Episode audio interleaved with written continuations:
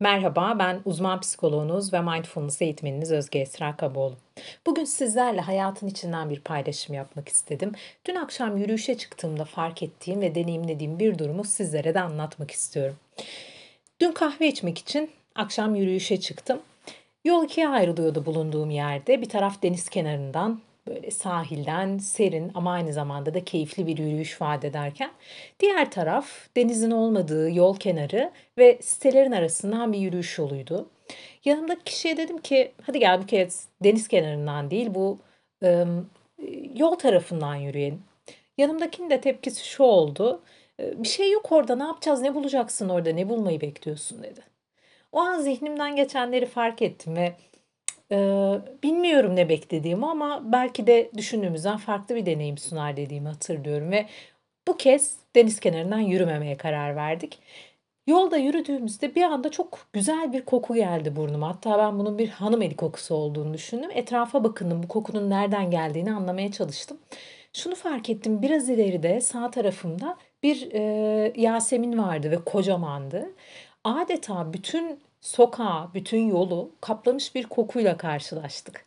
Ve yanımdaki kişi de ben de bu kokunun etkisiyle ya ne kadar güzel kokuyor, ne kadar güzel, ne kadar keyifli bir akşam oldu e, söyleminde bulunduk.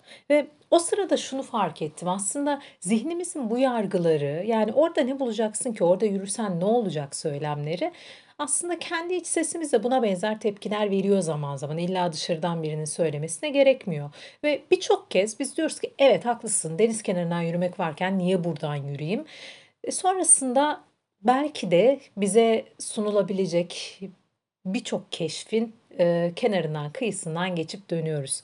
Ve bu ön kabuller e, yeni bir deneyime fırsat vermeye de engel oluyor aslına bakarsanız. İşte açıklık ve esneklik dediğimiz şeylerde de bu e, yeni deneyimlere fırsat vermek, buradaki yargıları fark etmek ve açıklıkla karşılamak gelenleri e, sonrasında da tercihini yapabilme fırsatı veriyor aslında bizlere.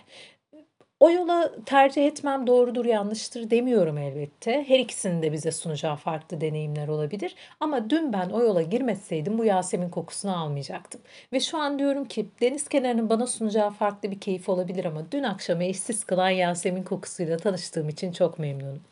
Bunun yanında sonrasında kahve içmek için bir yere oturduk. Oturduğumuz yerde e, deniz kenarıydı bu kez. Sahile indik e, o yolu geçtikten sonra. Kahvemi içerken tam karşıma baktım. Fincanın arkasında kocaman bir karanlık görünüyordu. Aklımdan şu geçti aslında şu an karanlık görünen yerde biraz ileride Çataladası var. Ve o kapkaranlık görünen yer belki şu an kameralar bunu ayırt edemiyor. Belki gözüm bile ayırt etmekte zorlanıyor ama orada denizin ve gökyüzünün birleştiği bir yer var.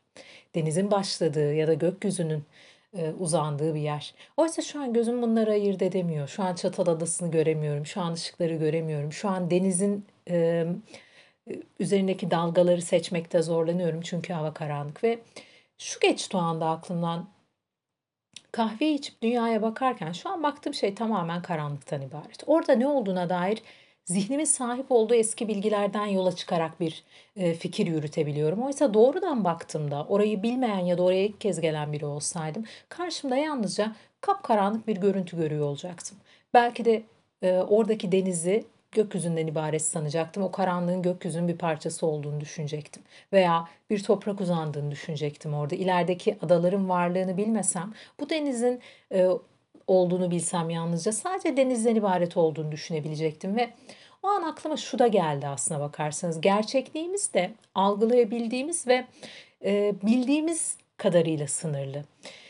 E, bu birazcık Eee, kedi örneği gibi oldu ama yani ben orada ne olduğundan haberdar değilsem aslına bakarsanız yalnızca görebildiğim, farkına varabildiğim ya da algılayabildiğim kadarıyla oraya ilişkin bir bilgiye sahibim. Sonrasında bu algılarım ya da bilgim değiştiğinde gerçekliğim de değişiveriyor. Örneğin ben gündüz gözüyle aynı yere geçsem ve aynı yerde otursam, yine aynı kahveden söylesem bu kez gördüğüm manzara bir öncekinden bambaşka olacak.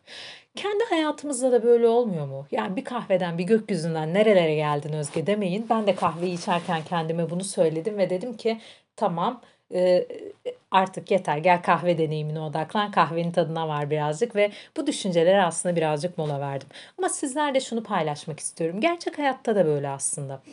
E, bir dünyayı kendi objektifimizden görüyoruz. Ona ilişkin bilgilerimiz var, yargılarımız var, deneyimlerimiz var. Algıladıklarımız, beş duyumuzun bize sundukları var. Bunları fark edip ortaya çıkan yargıları, düşünceleri fark edip aslında zaman içinde bunların da değişebileceğine açık olmak. E, algıladığımız şeyin farklılaşacağına veya algılarımızın bizim dışımızdaki e, süreçleri süreçlerden etkilenerek değişebileceğine de izin vermek gerekiyor. Örnek veriyorum bugün için e, benim için karanlık bir deniz e, manzarasından ibaret olan o görüntünün yarın apaydınlık bir manzara ve Çatal Adası'nın güzel görüntüsünü sunmayacağını bilemeyebilirim.